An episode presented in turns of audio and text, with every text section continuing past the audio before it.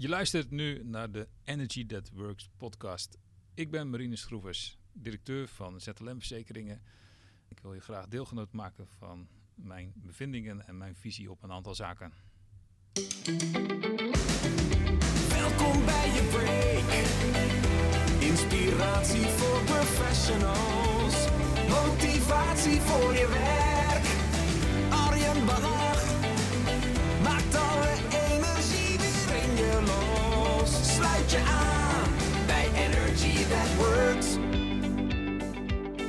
Ja, ja, ja, je bent er weer bij. Je luistert weer naar een nieuwe aflevering van de Energy That Works podcast. En hartstikke gaaf dat je weer de tijd neemt om deze inspirerende aflevering te luisteren. Want inspirerend, dat gaat het zeker worden. Maar allereerst wil ik je graag even kort meenemen in een, een, nieuwtje van mijn kant. Ik ben namelijk sinds vorige week CHO, oftewel Chief Happiness Officer van COSUS, een grote zorginstelling in Noord-Nederland ben ik het hele jaar al bezig geweest met het helpen van organisatiecultuur, uh, het vormgeven van hun strategische visie en dat vertalen naar werkprocessen uh, voor alle medewerkers. En uh, daar kwam onder andere aan het licht dat er op wat betreft medewerkerstevredenheid nog wel wat geplust kon worden, dat daar nog wel redelijk wat, wat pijn zat en dat de organisatie nog niet echt goed bezig was met werkgeluk. Ik heb het aanbod gedaan om daar uh, de komende tijd als Chief Happiness Officer aan de slag te gaan. En dat betekent dat ik nog meer uh, bezig ga met het bouwen van een cultuur die er echt voor gaat zorgen dat uh, energieke en gelukkige medewerkers heeft. Nou, ontzettend leuk. Die bevindingen zal ik uiteraard delen met mijn netwerk. Wellicht komt er ook nog een podcastaflevering aan die ik besteed helemaal rondom dit thema en de bevindingen van, van mijn werkzaamheden al daar. Uh, maar wat ook eens goed is om te delen, is dat ik uh, dat ook op het podium doe. Uh, dat doe ik al een aantal jaar, maar sinds dit jaar echt heel erg gericht op medewerkerstevredenheid, organisatiecultuur, werkgeluk. Dus mocht je nou een keer een inspirerende sessie willen, dan kan je mij gewoon inhuren. Dus de uitnodiging daartoe. En dan kan je me gewoon vinden op mijn LinkedIn of mijn website arjenbannach.nl. En dan nu naar het interview van deze week. Want daar is het natuurlijk waar het om draait. Daarom ben je deze aflevering gaan luisteren. En dit is de aflevering met Marine Schroevers van ZLM Verzekeringen. En ZLM Verzekering is misschien niet zo bekend. Is dat terecht? Ik vind eigenlijk van niet. Want de ZLM-verzekering is uh, van de laatste drie jaar, twee jaar, uh, de beste werkgever van Nederland geworden. Het jaar dat ze dat niet waren, deden ze ook niet mee. En ze doen iets heel erg goed daar. En uh, we horen tegenwoordig allerlei nieuwe ontwikkelingen op gebied van platte organisaties, nieuwe werkvormen, processen. En dat organisaties daarmee opvallen. Maar ZLM-verzekeringen doet eigenlijk een heleboel zaken. doen ze heel erg down to earth. Uh, niet met spannende dingen, maar gewoon heel logisch nadenken. En um, ik had verwacht, hè, want ik kende het bedrijf ook nog niet goed. Ik heb uh, de CEO, de algemeen directeur Marinus, gevraagd voor een podcast-interview. Hij ging daarop in. Het is een heel leuk gesprek geworden. Maar wat me vooral verbaast is de eenvoud eigenlijk waarmee we ze sommige dingen, sommige processen hebben aangepakt. En hoe dat dus blijkbaar een enorm groot effect heeft op hun medewerkerstevredenheid. Dus we gaan een mooi aantal inspirerende eye-openers komen. Maar verwacht niet allerlei high-tech snufjes of gekke dingen uh, die we zelf nog helemaal niet hadden bedacht. Het zijn eigenlijk de basis waarin ze heel erg uh, goed hun werkprocessen hebben verankerd. En uh, daarmee zorgen ze dus ook voor dat hun medewerkers echt heel erg goed in hun energie en in hun geluk zitten. En dus dat het dus al twee jaar op rij en twee jaar dat ze hebben meegedaan, de beste werkgever van Nederland is geworden. Dus ik stel je graag voor aan Marines Schroevers. Ik, uh, ik, zit hier tegenover Marine Schroevers van ZLM Verzekeringen. Marines, welkom. Dankjewel. Uh, mijn eerste vraag aan jou is, waar ben je het meest trots op in je werk tot dusver? Zo, um, ja, dat ik leiding mag geven aan een bedrijf vol enthousiaste medewerkers. Oké. Okay, Dan voel ik me gewoon heel trots uh, dat ik dat mag doen. Ja, en enthousiaste medewerkers, dat is niet een vanzelfsprekendheid in Nederland. Uh, jullie zijn er ook voor beloond. Twee keer beste werkgeversorganisatie in Nederland tot duizend medewerkers, 2014 en 16. Kan je even kort vertellen hoe dat is ontstaan? Ja, um, het is eigenlijk al een um, paar jaar voor, ik denk vanaf 2010, 2011, dat we nadachten van hoe zijn onze medewerkers nou eigenlijk wel tevreden? We dachten het wel, want er ging bijna niemand weg. Uh, dus dan denk je van nou, we zullen wel tevreden zijn. Maar we hadden het eigenlijk nog nooit gemeten. Dus we zijn toen begonnen in het opzetten van een medewerkerstevredenheidsonderzoek. Daartoe hebben we de partij Factory benaderd, een partij die dat organiseert. En uh, in 2013 hebben we voor het eerst zo'n medewerkerstevredenheidsonderzoek gedaan. Eerlijk gezegd schrok ik best wel van die uitslagen. Uh, allemaal van die rode vakjes. Uh, uiteindelijk kwamen we tot 143 verbeterpunten. Dan denk je van, we hebben nog genoeg werk te doen. En dan, dan controleren ze medewerkers, of in ieder geval vragen medewerkers van hoe zit het met je eh, tevredenheid over je salaris, over het klimaat in het gebouw, maar ook vind je je werk leuk, vind je bedrijf leuk, eh, heb je het gevoel dat je toegevoegde waarde hebt. Nou, vaak 99 vragen volgens mij. Maar we vonden de uitslag nou niet heel geweldig. Nou, afijn, we werden gebeld door Factory en ze zeiden van nou één keer in het jaar organiseren we een evenement, beste werkgever van Nederland. Komen jullie ook? Dus wij dachten van ja, met 143 verbeterpunten, wat moet je er eigenlijk doen? Ja. Eh, dus we zeiden van moet je dan iets doen of zo? Nee, je hoeft niks voor te bereiden of zo. Nou, toen zeiden we nou, dan komen we niet. Toen bleek dat we tweede van Nederland waren. En eerst in de financiële sector. Dus toen ze de mensen op het podium roepen van ZLM, kwam er niemand, want er was er niemand in die zaal. Dat vonden we wel een beetje opvallend, want op zich hadden we best wel mooie scores. Maar echt de, de verbeterpunten die wij daaruit eh, hebben geformuleerd, vonden we best heel veel. Ja. Nou, om te meten wat die verbeterpunten en de acties die we daaromheen gemaakt hadden voor effect hadden in ons bedrijf, zijn we in 2014 opnieuw een medewerkerstevredenheidsonderzoek gestart, opnieuw bij Effectory. En toen werden we, ik denk dat het, ja, wat zal geweest zijn, september opgebeld van, eh, hey, eh, eh, dit mag je niet verder vertellen, maar jullie zijn nummer één geworden. We willen een bedrijfsfilm bij jullie komen maken. Wanneer kunnen we langskomen? Nou, dat vonden we opnieuw best wel verrassend, want we hadden wel een heleboel dingen in gang gezet. eh, we hadden wat dingen proberen te verbeteren. Maar toch vonden we dat er weer best veel dingen uitkwamen waar we iets mee konden doen. Nou, dat hebben we in 2015 de tijd voor genomen. We hebben gezegd, we gaan dit keer geen onderzoek doen. Want we hebben altijd gezegd, ja, het doel is niet om nummer 1 van Nederland te worden. Het doel is om tevreden medewerkers te krijgen. Mooi. En dat we dan nummer 1 van Nederland worden, is eigenlijk gewoon een hele mooie bijvangst. Ja. Maar dat is niet ons doel. Dus in 2016 hebben we opnieuw eh, een onderzoek gedaan wat vragen aanpast. Op bepaalde terreinen hadden we echt specifiek wat, eh, wat dingen georganiseerd. Om te kijken als we het net ophalen of het ook effect had gehad. En eh, ja, bij Rempel werden we dus weer een keer de eerste van, van Nederland. Nou, 2017, dit jaar hebben we weer niet meegedaan, omdat we onze tijd willen gunnen om die, die resultaten ook weer van nieuwe acties die we uitgezet hebben, om te kijken of we dat ook goed kunnen doen. Dus in 2018 zullen we weer een keertje meedoen. Dus dat zien we wel. Oké, Ja. dus er is heel goed strategisch over nagedacht. Ja. We geven, doen steeds een jaar mee en dan gaan we Ja. echt, nemen echt de tijd om die, eh, om die uitwerkingen te realiseren. Klopt. Mooi is dat. En eh, je gaf in 2010 aan op een gegeven moment het moment van... hey, we doen eigenlijk helemaal geen eh, onderzoek daarna naar de medewerkerstevredenheid. I- Is, dat nooit belangrijk gevonden of hoe is dat? Ik denk dat we het eigenlijk altijd een beetje vanzelfsprekend vonden dat iedereen wel tevreden was. En het was eigenlijk helemaal geen issue. Nee. En wat was dan die aanleiding om te zeggen we gaan het toch doen? Was, was het toch iets... Nou, eh, het groter worden van ons bedrijf. Ja. Eh, we groeiden hard. We kregen steeds meer medewerkers. En dan merk je wel dat de afstand wat groter werd. En eh, we eigenlijk ons afvroegen als management... hebben we dan wel voldoende zicht wat er ook echt onder het water leeft. Hè? Dat zien we alleen het topje van de ijsberg. Of zit er nog veel meer onder? Tuurlijk hebben we dan wel gesprekken over met mensen, maar we vonden eigenlijk ook wel belangrijk om te weten, ja, als we nou in het geheel van het bedrijf wegzetten, wat voor Mhm. beeld krijgen we dan? Is het op de ene afdeling anders dan op de andere afdeling? En Ja. daarom zijn we toen gestart met het eh, initiëren van zo'n onderzoek. Ja. En, en dan wordt er wel eens gesteld dat, eh, dat- dat de mensen in de boardroom niet helemaal goed eh, op het netvlies hebben wat er eigenlijk onder in de organisatie gebeurt. Eh klopte dat ook dat er wat verrassingen uitkwamen uit, het, uit die eerste onderzoeken? Ehm, ja, één punt dat ik nog goed was, wat ik nog goed herinner, is dat er in een bepaalde groep, een bepaalde afdeling, behoorlijk sprake was van rolonduidelijkheid. Hè, er wordt ook een vraag gesteld: is het duidelijk wat er van je verwacht wordt? Krijg je waardering voor het werk wat je doet?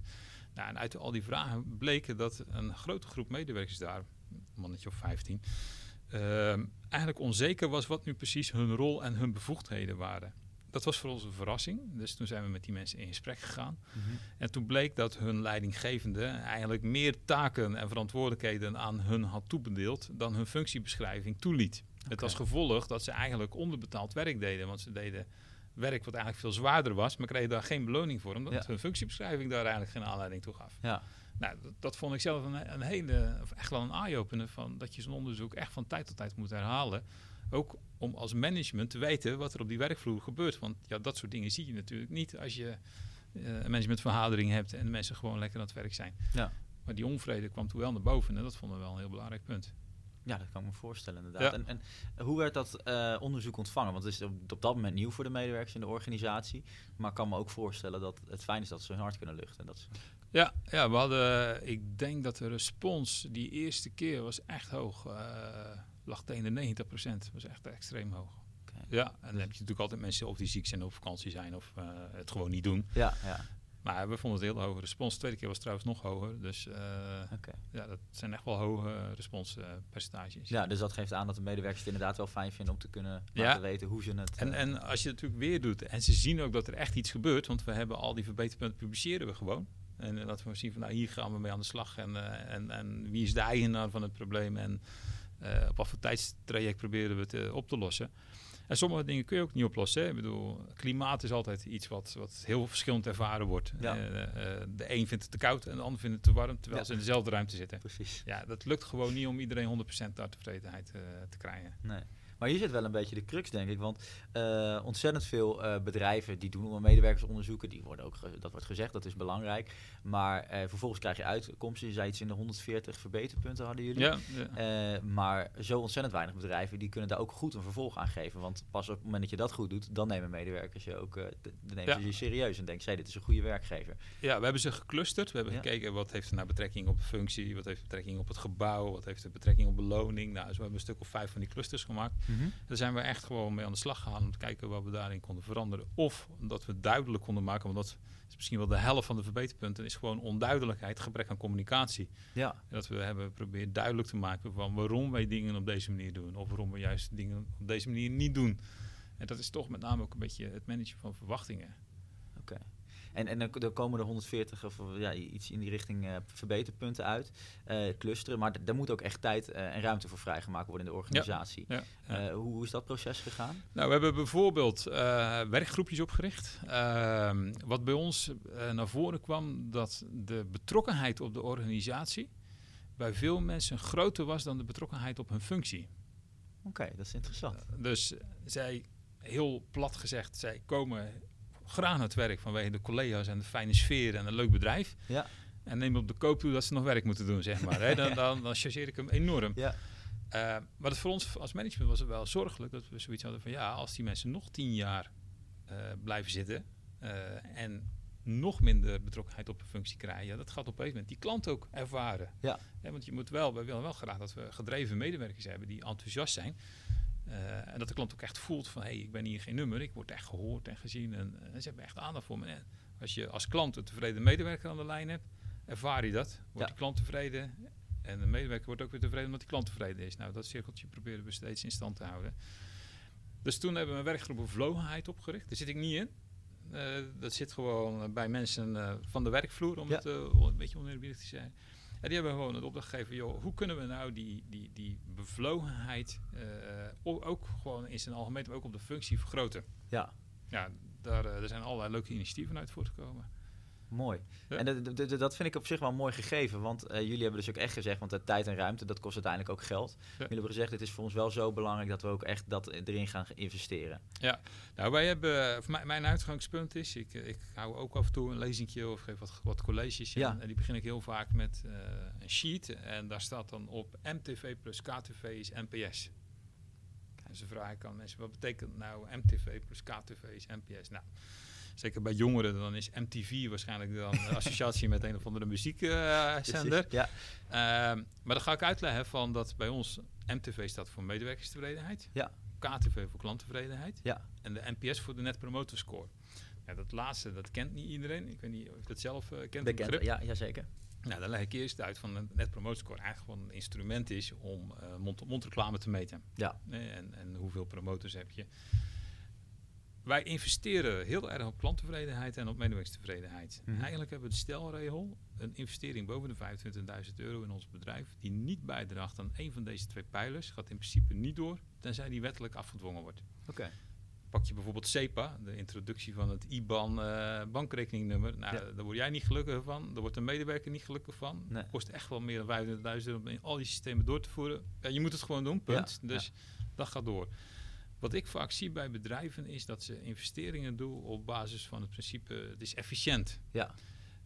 Maar ik heb geleerd, tenminste dat is een beetje mijn visie, dat efficiënt eigenlijk gewoon een ander woord is voor kostenbesparingen doorvoeren. En kostenbesparingen doorvoeren heeft bijna altijd een nadelige effect. Of op de klanttevredenheid of op de medewerkerstevredenheid. En ehm, ik waak er echt voor dat wij dingen doen die niet een bijdrage leveren aan medewerker of klanttevredenheid. Ja. Ja, dus continu alert zijn op, op dingen die wij doen. Ja.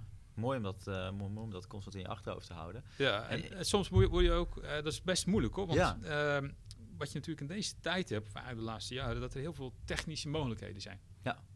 En laten wij ons leiden door de behoeften of laten wij ons leiden door de mogelijkheden? Heel vaak het laatste. Ja. Pak bijvoorbeeld het voice response systeem.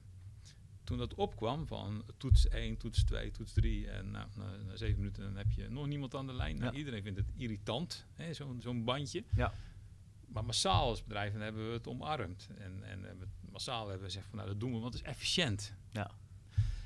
Ja, dat, gaat, dat is echt zo'n voorbeeld van dat het ten koste gaat van. Nou, wij dachten ook van nee, dat is mooi, eh, gebied mogelijkheden. We zijn ermee aan de slag gegaan. Maar in de applicatie die wij toen mee bezig waren, moest de klant toen drie seconden langer wachten dan normaal. Toen zeiden we, onacceptabel. Ja. Doen we niet. Nou, ik ben altijd zo blij dat we alleen al om die reden dat nooit gedaan hebben. Dus wij kennen ook, ook, dat kennen wij ook gewoon niet. En we gaan er ook niet aan beginnen. Nee. Bij ons krijg je binnen 15 seconden vlees en bloed aan de lijn. Ja. En liefst nog gelijk iemand die je kan helpen. We kennen ook geen scheiding in back-office en front-office. Zou ook weer efficiënt zijn. Ja. Dat betekent wel dat je drie keer doorverbonden moet worden als je een wat dieper liggende vraag hebt. Ja. Wij willen dat iedere klant van A tot Z door dezelfde persoon behandeld wordt. Altijd een vast aanspreekpunt. Mooi. En, en dit, is, dit is een stukje eigenlijk richting, richting klantgerichtheid. Eh, ervaar je dan ook zo dat op het moment dat je deze keuzes maakt van hey, we doen dit voor de klant en we gaan niet zozeer voor efficiënt, maar echt voor eh, de tevredenheid, dat het voor de medewerkers ook leuker wordt? Ja, absoluut. Ja. Eh, want was het- wat is er nu vervelender dat je een probleem hebt en je mag de kop van het probleem behandelen. Kom je bij het lichaam, dan gaan er al twee mensen meekijken. Kom je bij de staart, dan moet je er vanaf, want dan moet weer iemand die gespecialiseerd is. Ja. Dan kun je het probleem niet meer oplossen. Iemand wil toch gewoon ook verantwoordelijk zijn voor, voor het geheel. Of nou een schade is of, of een aanvraag van een verzekering. Het is toch niks mooier dat je iemand echt, echt kan helpen. Ja. En dat je ervaart van zo, die mensen zijn wel blij dat ik ze echt helemaal geholpen heb. Ik geloof erin dat je ook dat soort zaken die je doet voor die klant, ook voor die medewerker, veel meer toegevoegde waarde en het gevoel hebt van hé, ik kan iets betekenen in zijn dagelijkse werkzaamheden tot stand kan brengen. Ja, mooi. En je, je zei net even, ik heb geleerd, eh, dat, dat, dat, dit is blijkbaar ervaring geweest of je, je hebt het ergens bijgebracht gekregen. Ja, nou, het, is, het is natuurlijk deels ervaring, maar ehm, toen wij voor de tweede keer eh, beste, of eh, eigenlijk voor de eerste keer beste werkgever van Nederland waren en we staan steeds nummer 1 in klanttevredenheidsonderzoeken. Hè, echt, onze NPS-score is echt heel hoog, zeker als je het vergelijkt met andere verzekeringsmaatschappijen. Ja. Kijk, eens gaan nadenken, ja, wat, wat doen wij nu anders? Want het is echt niet zoals die, die cartoon van Fokka Sukke, ken je die? Eh, er zit Fokka Sukke aan tafel en dan zeggen ze nou, eh, volgende week donderdag om 13 uur 44 gaan we een cultuurverandering Ja, doorvoeren. ja. ja. Nee, dat hebben wij niet gedaan. Nee. Eh, wij constateren eigenlijk dat wij heel veel gewoon dingen ja, natuurlijk ontstaan waren.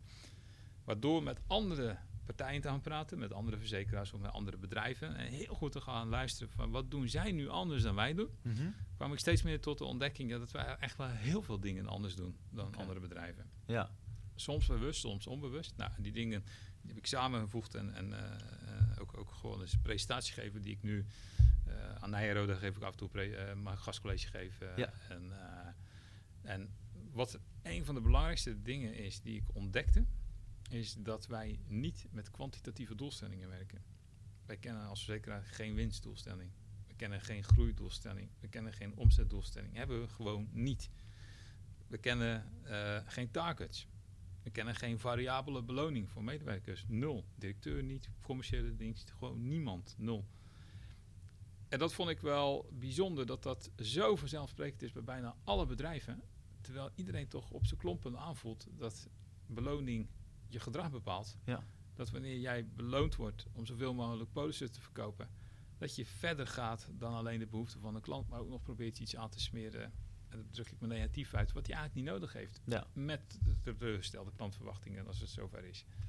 En dat vond ik wel een hele grote. Dat, ik ontdekte dat dat heel veel positieve gevolgen had dat je niet met targets werkt in je bedrijf.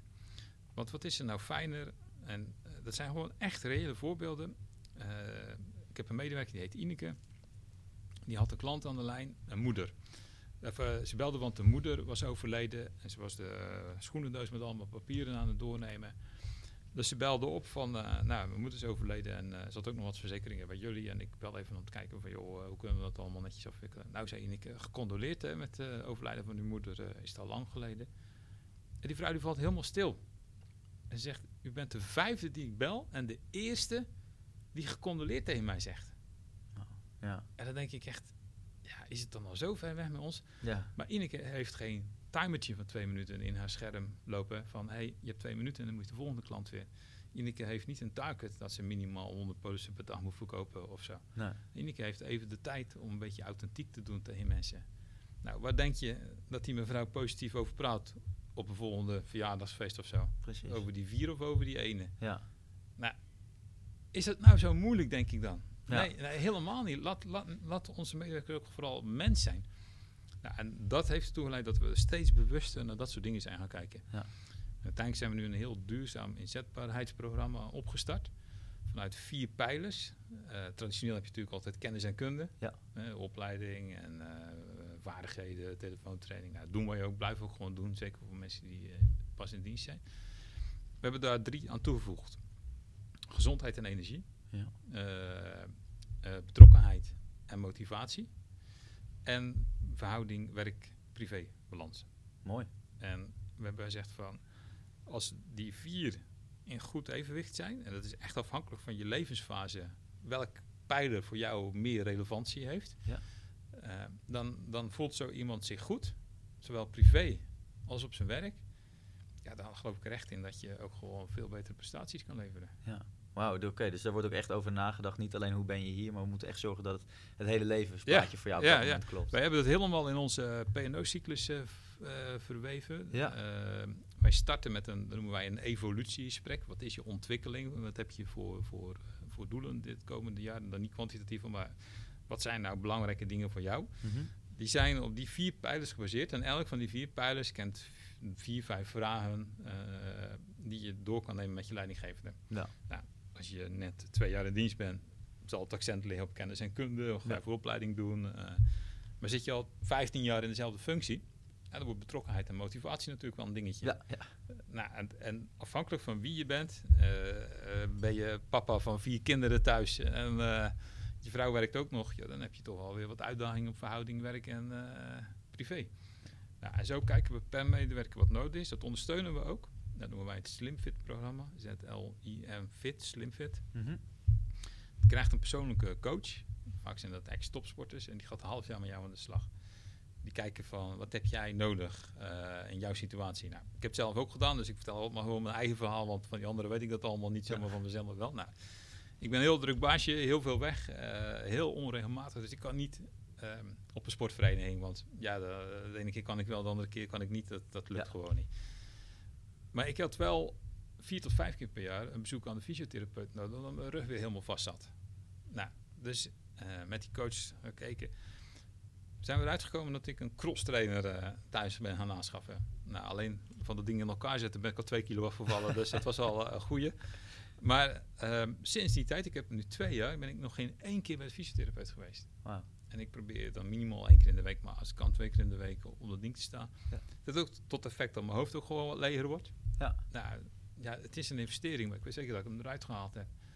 Nou, en zo, een andere medewerker heeft weer hele andere maatregelen die hij genomen heeft. eh, en, nou, en dat doen we dan op de as van hoe voel je je mentaal, fysiek, maar ook emotioneel. Ja. En kijken, druk dat uit in batterijen. Hoe zijn je batterijen? En niet dat ze allemaal vol moeten zijn, maar er moet gewoon een, een balans in die batterijen zijn. Nou, en op zulke, eh, met zulke instrumenten proberen we de medewerker duurzaam inzetbaar te maken. Ja. Wauw, dus er wordt echt goed over nagedacht inderdaad. Ja, dat het is echt heel leuk. We, we organiseren bijvoorbeeld een workshop over slaap. En dan, eh, ja. dan kun je vrijwillig op inschrijven. Nou, dan krijg je uitleg wat koffie doet met je slaap, wat je mobieltje naast je bed doet Ja. met je slaap, ehm, wat alcohol met je slaap doet, wat voor patronen je in je slaap hebt. eh, moet je nou wel of niet sporten kort voor slapen? eh, is het erg als je wakker ligt, ja of nee? Eh, dat hangt weer af van welk uur.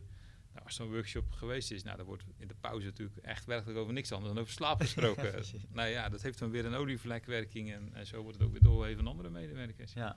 Ja, en dit, ik vind dat heel mooi om te zien, want het laat wel zien welke werkgever doet dat. Gaat, gaat een workshop over slaap organiseren, want dat is niet eh, de Ja. tijd van de baas dat je het aan het doen bent. Nou, kijk, en, en dat kost natuurlijk allemaal geld. Ja, Maar ik kan wel zeggen, ja, ik heb een ziekteverzuimpercentage onder de 3%. Ja, net een vraag. Ja, kijk dan naar je, naar je eigen bedrijf. Hoe, als je een paar medewerkers in dienst hebt en je ziekteverzuimpercentage kun je met 1 procentpunt verlagen. Wat levert jou dat op? Ja, Nou, en zo moet je wel denken over die investeringen die je doet. Want dat vinden veel mensen toch een hobbel. Het kost allemaal geld. Het is in de baas de tijd. En wij doen het een beetje 50-50. We beginnen om, bijvoorbeeld om vier uur. Dus dan heb je een uurtje wat wij geven. En dat duurt tot zes uur. En dan hebben ze een uurtje eigen tijd. Nou, Mhm. ja, mensen zijn dan echt niet eh, eh, onwillig om dat dan te doen. Nee. En je hebt dus ook het geloof dat zo'n workshop veel meer oplevert dan dat je in eerste instantie gaat kosten. Natuurlijk. En het zijn niet alleen die mensen die de workshop volgen. Maar die gaan het weer vertellen tegen hun collega's. En zo wordt kennis ook weer doorgegeven. Ja, ja. En misschien ook wel naar buiten. En dan denken mensen, hé, hey, dit is een gaaf bedrijf. Ja, Ja. precies. Ja. Ah, fantastisch. Ehm, waar waar ik wel benieuwd naar ben. ehm, eh, je, je geeft ook aan dat jullie een team hebben samengesteld eh, rondom be- bevlogenheid op de werkvloer. Eh, dat zal ook ongetwijfeld een van de uitkomsten zijn geweest van die medewerkerstevredenheidsonderzoeken. Ja, Eh, hoe is dat opgestart? Nou, er zijn een paar dames geweest die gezegd hebben van ja, wij, wij hebben leuke ideeën. Mogen wij niet eens gewoon bij elkaar gaan zitten? Nou, dat viel mooi samen met de uitkomsten van het MTO. En we zeggen van ja, ga lekker je gang. Ehm, dat bleef beperkt tot één afdeling, maar ja, dat zijn zulke leuke ideeën, maar ze zijn soms gewoon te simpel om waar te zijn. Ze zeiden van nou, we hebben heel vaak mensen aan de lijn die, eh, die bellen omdat er een kindje geboren is en eh, eh, er moet bijgeschreven worden op, op de verzekeringspapieren Mhm. of moet een dekking voor afgesloten worden. En dan zeiden we, nou, gefeliciteerd, leuk en zo, en gaat goed en zo, maar eigenlijk willen we dan even een kaartje schrijven. K- kunnen we niet iets regelen dat we die kaartjes kunnen schrijven? Ja. Nou, ja, joh, wat kost nou een kaartje? Ja, Maar wat denk je dat dat doet bij zo'n klant? Als die zo'n handgeschreven kaartje krijgt. ja, Maar het moet wel spontaan gebeuren. Hè. Ze hebben echt niet allemaal de opdracht om bij elke geboorte een kaartje te schrijven. nee, Als jij een wat vervelend gesprek hebt gehad met iemand, omdat hij misschien helemaal vol zit met hormonen of zo, weet ik het wat. Ja, ja dan moet je ook aanvoelen dat dat misschien niet handig is dat je een kaartje schrijft. Ja. En dus je moet het ook wel een beetje jezelf aanvoelen. Ja. Nou, zo hebben ze allemaal van die, van die, van die ideeën, eh, bloemen, eh, ja, van alles joh. Ik weet het ook niet allemaal, maar ik vind het gewoon heel leuk als ik dat af en toe hoor. Dat vind ik echt, nou, en dat proberen we op andere bedrijven of andere afdelingen uit te spreiden. En zo zie je dat het ook gewoon echt, echt een, een, ja, een effect heeft. eh, dat ze dat zelf mogen doen. ja, En eh, ja, dat het niet iets van het management is van bovenaf, zeg maar. Maar het Nee. komt gewoon echt van, onder, van onderaf op. ja. Maar wat dan wel het verschil is, de, waarschijnlijk tussen ZLM en andere bedrijven, is dat jullie er echte ruimte voor hebben en ook zeggen van hé, hey, het, Ja. als- het mag wat kosten, want we geloven erin. Ja, nou, en duurzame inzetbaarheid hebben we, dat- vind ik zelf wel een heel belangrijk thema. Dus daar hebben we ook een werkgroep voor. Er zit iemand van de OR in. Eh daar zit ik zelf in en nog een medewerker. Een medewerker uit die werkgroep bevlogenheid, die zit er ook in. Ja, Hè? Dus zodat we echt ook gewoon overal van die linking pins hebben in al die groepjes. ja, En niet een manager, maar dat dat gewoon lekkere medewerkers zijn die het ook gewoon leuk vindt om te doen. En, en ja, daar komt ook zoveel energie vrij. En dan geef ik alleen een beetje wat, wat, wat sturing. En dan gaan ze weer bij elkaar zitten formulieren eh, ontwikkelen. Dan ze dan weer aan mij voor of ik het goed vind, ja of nee. eh, dat is toch geweldig. ja, ja. Ja.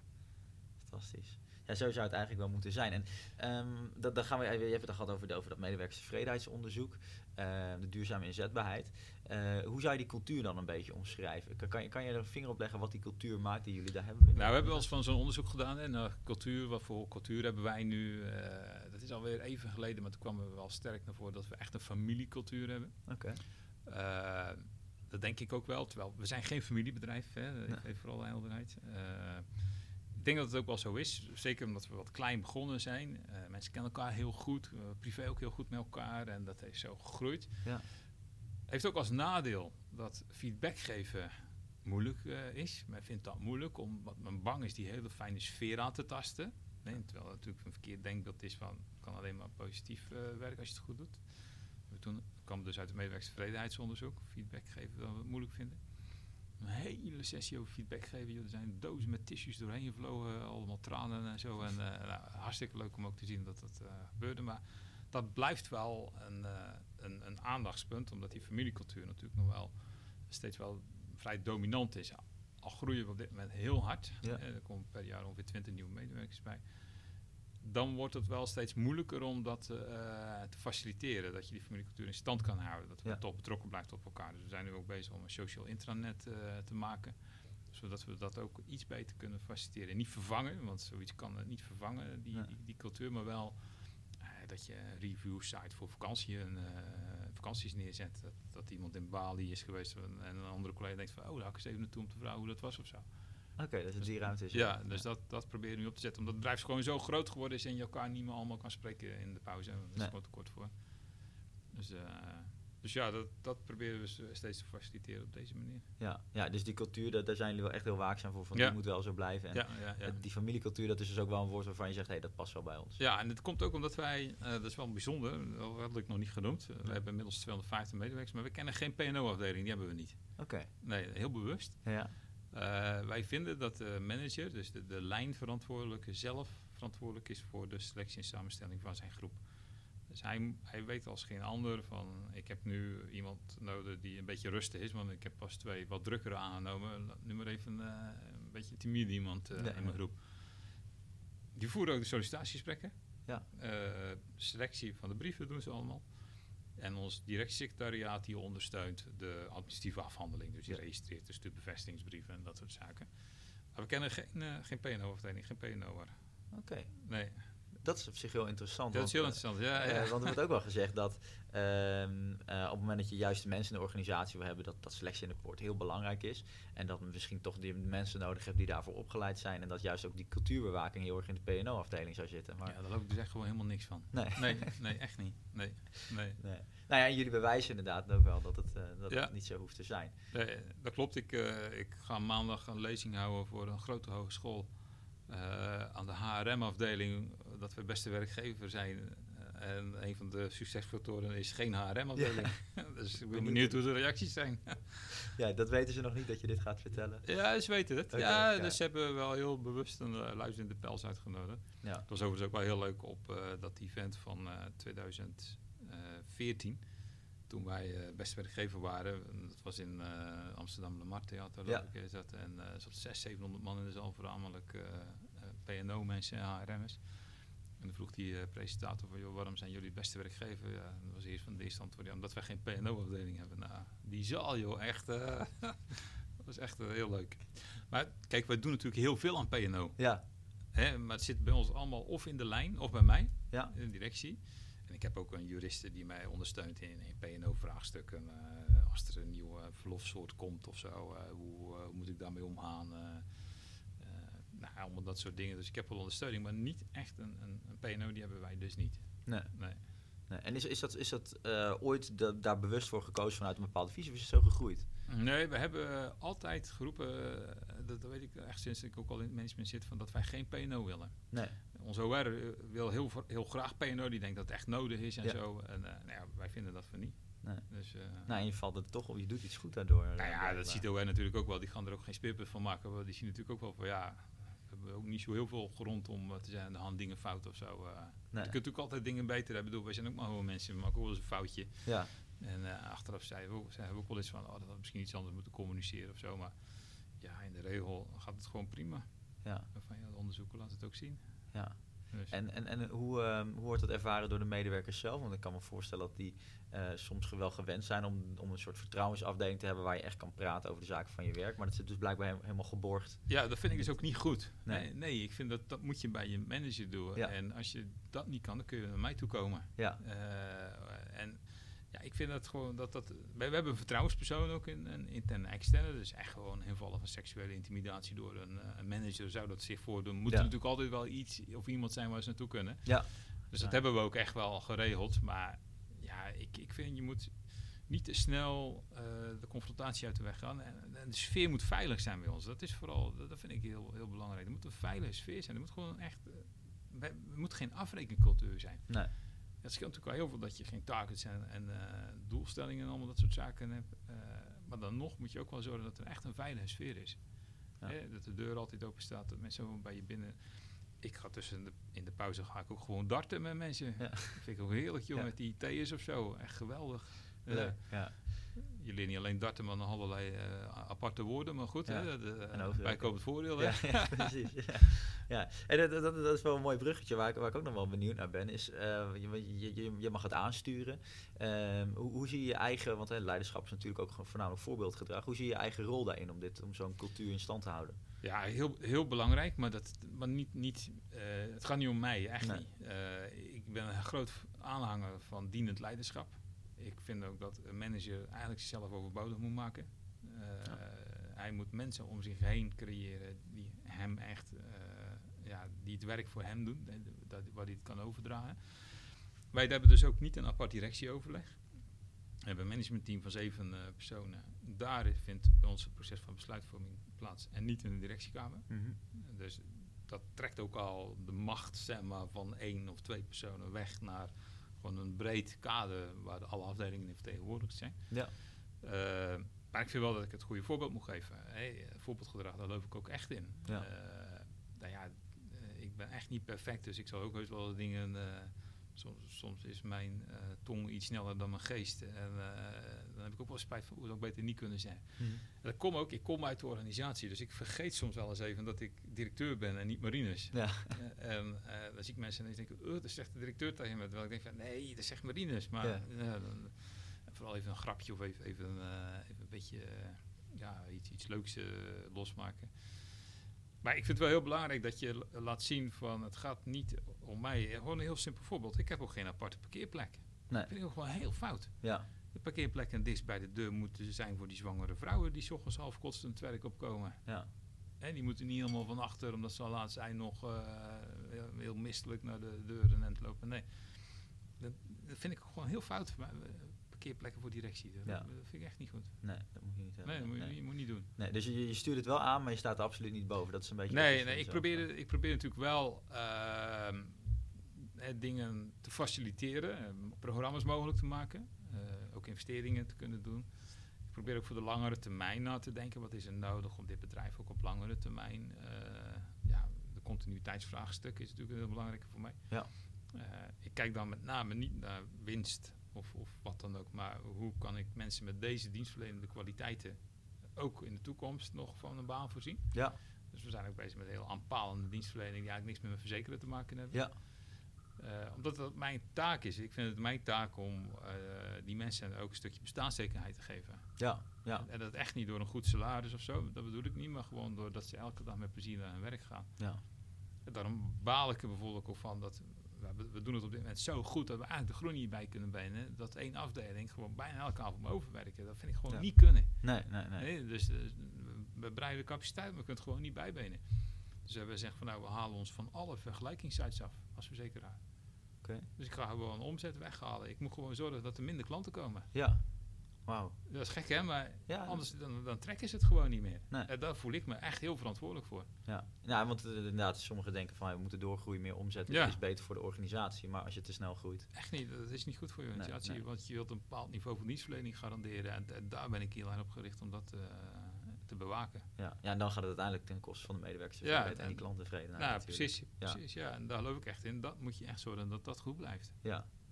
En, waar ik ook nog wel benieuwd naar ben, eh, als je gaat kijken naar in welke tijd we nu leven, zijn we nu heel erg bezig met het zoeken naar hoe moeten we ons werk doen. En er komen allerlei nieuwe vormen Ja. in naar voren, zoals Lean, Agile, Scrum werken, Holacracy.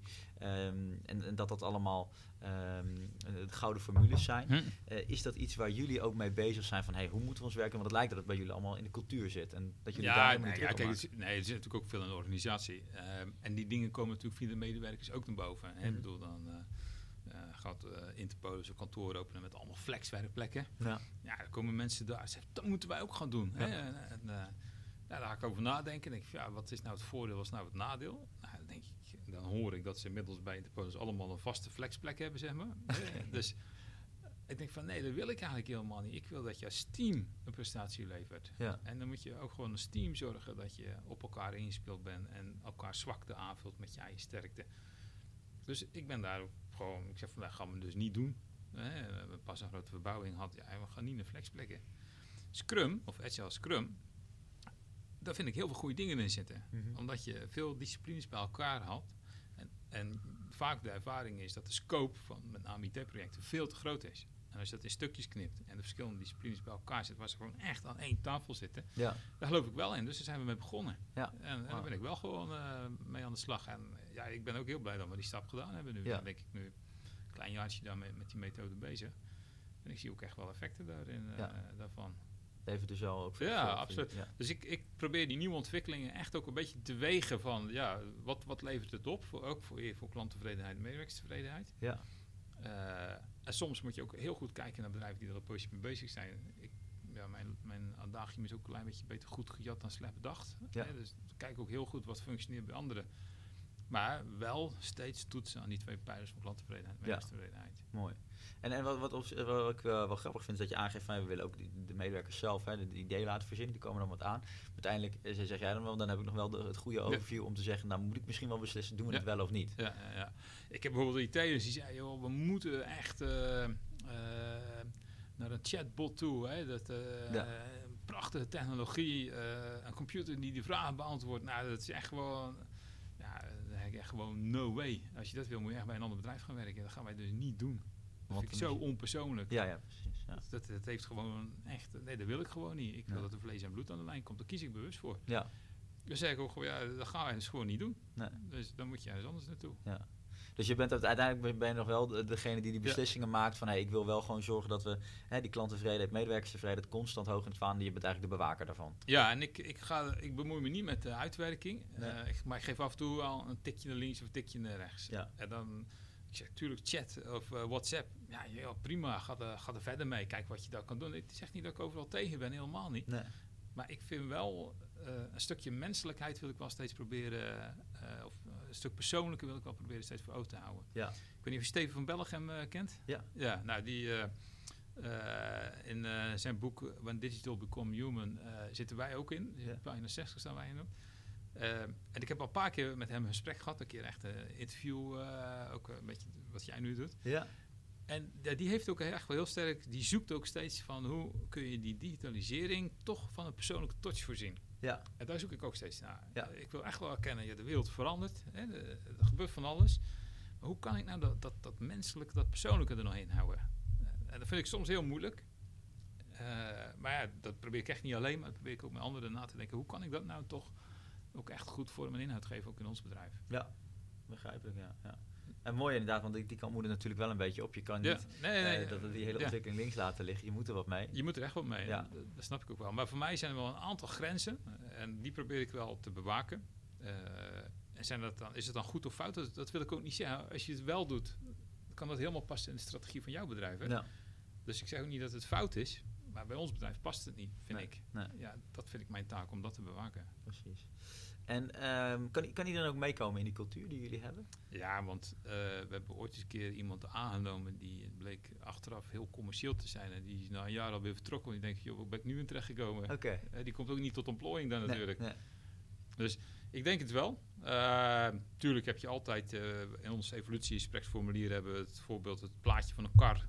Mensen voor de kar, mensen op de kar en mensen achter de kar. En we vragen ook echt van nou weet je dan waar jij zit. Ja. Nou, als die leidinggever dat ook vindt, is er niks aan de hand. Maar wanneer de leidinggever de andere, heb je natuurlijk al gelijk een gesprek. Ja. Je hebt natuurlijk ook mensen die, die, die, die, die vanwege angst of, of, of iets anders achter die kar gaan hangen. eh, die, die, die niet in zijn om iets aan hun eh, fysieke conditie te doen, terwijl iedereen ziet dat dat niet goed gaat. Ja. Eh, die, die dat niet kunnen doorbreken. Ja, ja dat, dat, zijn uitdagingen. Ja, ja, Die hebben precies. we bij ons ook hoor. Ja, mooi. Ja.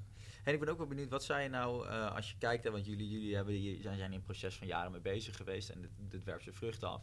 En dat laten de scores wel zien.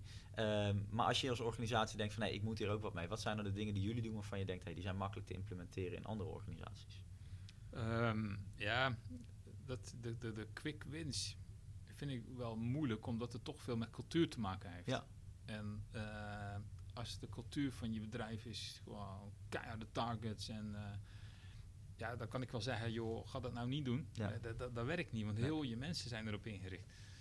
Ehm, wat ik wel kan doen, is dat vind ik zelf wel, probeer wat holistischer naar je medewerker te kijken. Zie je hem niet als een FTE, maar zie je hem gewoon als een mens. En wees er nou die van overtuigd wanneer die mens lekker in zijn vel zit, dat jij als bedrijf er ook je vruchten van plukt. Of je Ja. nou een, een Anglo-Saxisch bedrijf bent of een Vrijlands model, dat, Ja. dat, dat maakt er nog niet uit. Nee. Maar probeer wel naar, naar je medewerker als mens te kijken en daar wat meer over te hebben. Mooi. Dus eh, kijk, ik kan niet zeggen van je moet het gaan doen als ons, want dat, dat, dat, dat, dat ga je echt niet eh, van de een op de andere dag eh, Nee. doen. Trouwens. Ik kan alleen maar inspireren en een stukje meegeven waarvan ik denk dat ik belangrijk vind dat dat de waarden zijn voor, voor je bedrijf. Maar Ja. ja. je moet er zelf als ondernemer ook in geloven, anders gaat het natuurlijk ook niet gebeuren. Nee. Nee, nou, dat- die holistische aanpak inderdaad, met eh, hoe jullie dat aanpakken met die, met die vier pijlers. Om echt verder te kijken dan alleen eh, je baan, maar ook echt hoe zit het in het privé. En dat moet helemaal goed aansluiten. Ja. En dat is, dat is Ja, da- daar wordt volgens mij geen enkel bedrijf slechter van. Nee, nee, dat kan me ook niet voorstellen. Nee, nee, nee. Oké, ik, ik heb dan eh, tot slot nog een paar one-minute questions voor je die je kort mag beantwoorden. En die gaan eigenlijk een beetje over de persoon Marines. Ehm, dus ik ben heel benieuwd daarnaar. Allereerste vraag, wie is, is jouw grootste inspiratiebron? Ehm, ik denk eh, Jezus Christus. Oké. Ja. En dat je gelovig, en dan kan je Ja. uitleggen wat, wat, dat, eh, wat het brengt? Ja, dat dienstbare. Echt te zijn om andere mensen te helpen, verder te helpen. Of je nou helemaal dik in de, in de shit zit of een flinke correctie nodig hebt. Ja, Gericht zijn om mensen verder te helpen. dat zit er constant in. En dat geeft je dan ook weer een reden voor Ja. te staan. Ja, Ja, dat ja. vind ik. ja, maak jezelf ook een beetje overbodig. Mooi. Mooi. En wat wil jij nog leren?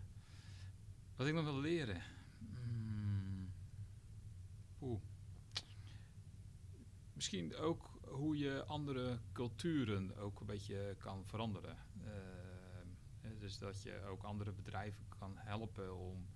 Of andere organisaties, want nu is het alleen een bedrijf, maar andere organisaties van hoe kunnen we nou komen tot een, eh, een betere vitaliteit van, van de medewerkers, eh, Mhm. van de bewoners, van noem maar op waar je het ook mee hebt. Dus daar, daar zoek ik naar hoe ik bestaande patronen kan doorbreken en nieuwe patronen kan eh, aanleggen. Mooi. Ja, want daar, daar moet het natuurlijk wel naartoe als je, Ja. dat, eh, als je dat goed kan. Dat is heel waardevol. En welk boek zou iedereen gelezen moeten hebben volgens jou? Ehm, ja, in deze tijd zou ik het boek Het Ondiepen van Nicholas Carr willen aanbevelen. Ken je dat? Nee, het zegt maar niks. Dat is een Amerikaan die heeft een boek geschreven over de impact van het digitale tijdperk op onze hersenen. Ik vond het echt schokkend toen ik het las, echt heel ontdekkend. Ja. Het is een neurowetenschapper. eh, en hij laat zien dat wanneer wij eh, steeds meer gebruik maken van eh, je iPhone of weet ik het wat, aantoonbaar je hersenen kleiner worden. En wanneer je andere methoden gaat doen, dus gewoon echt ehm, eh, meer, meer met je hoofd bezig bent, je hersenen toenemen.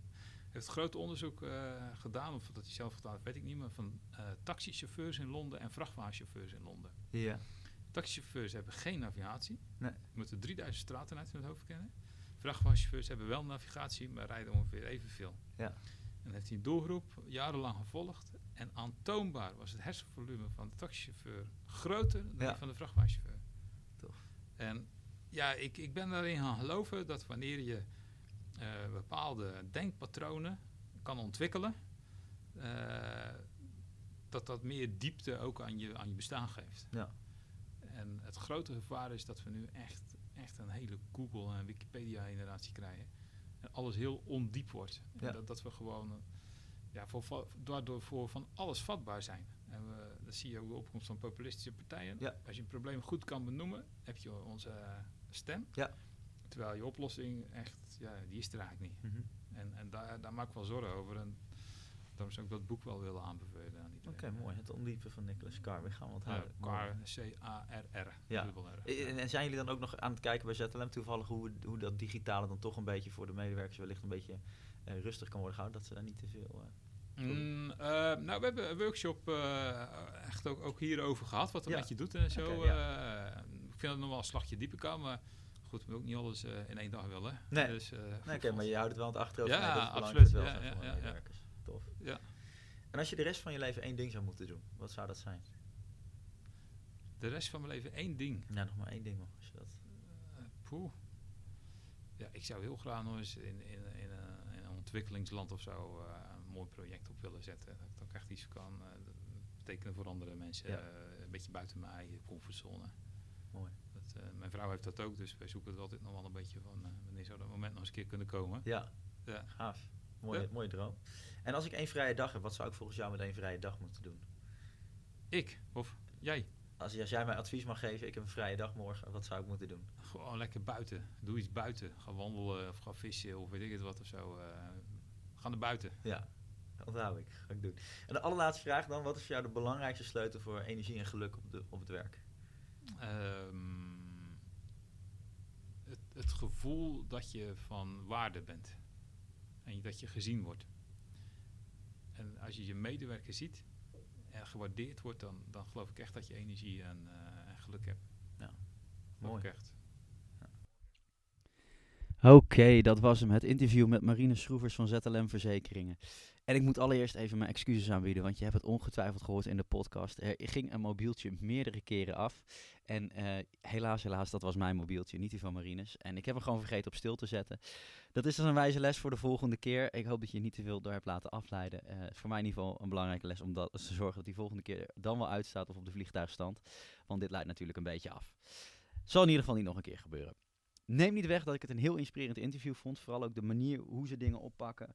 En eh, vooral een beetje teruggaan naar de basis. En toch zorgen dat ze echt een soort, uh, ondanks dat ze een vrij grote organisatie zijn, echt dat familiegevoel, dat familiebedrijf uh, gevoel kunnen creëren. En echt ook de focus hebben op hebben mensen moeten het naar hun zin hebben. En dan niet met allerlei gekke gimmicks, daar focussen ze zich niet te veel op. Het gaat er gewoon om dat iedereen elke dag met veel plezier naar zijn werk gaat en een fijne werkomgeving heeft.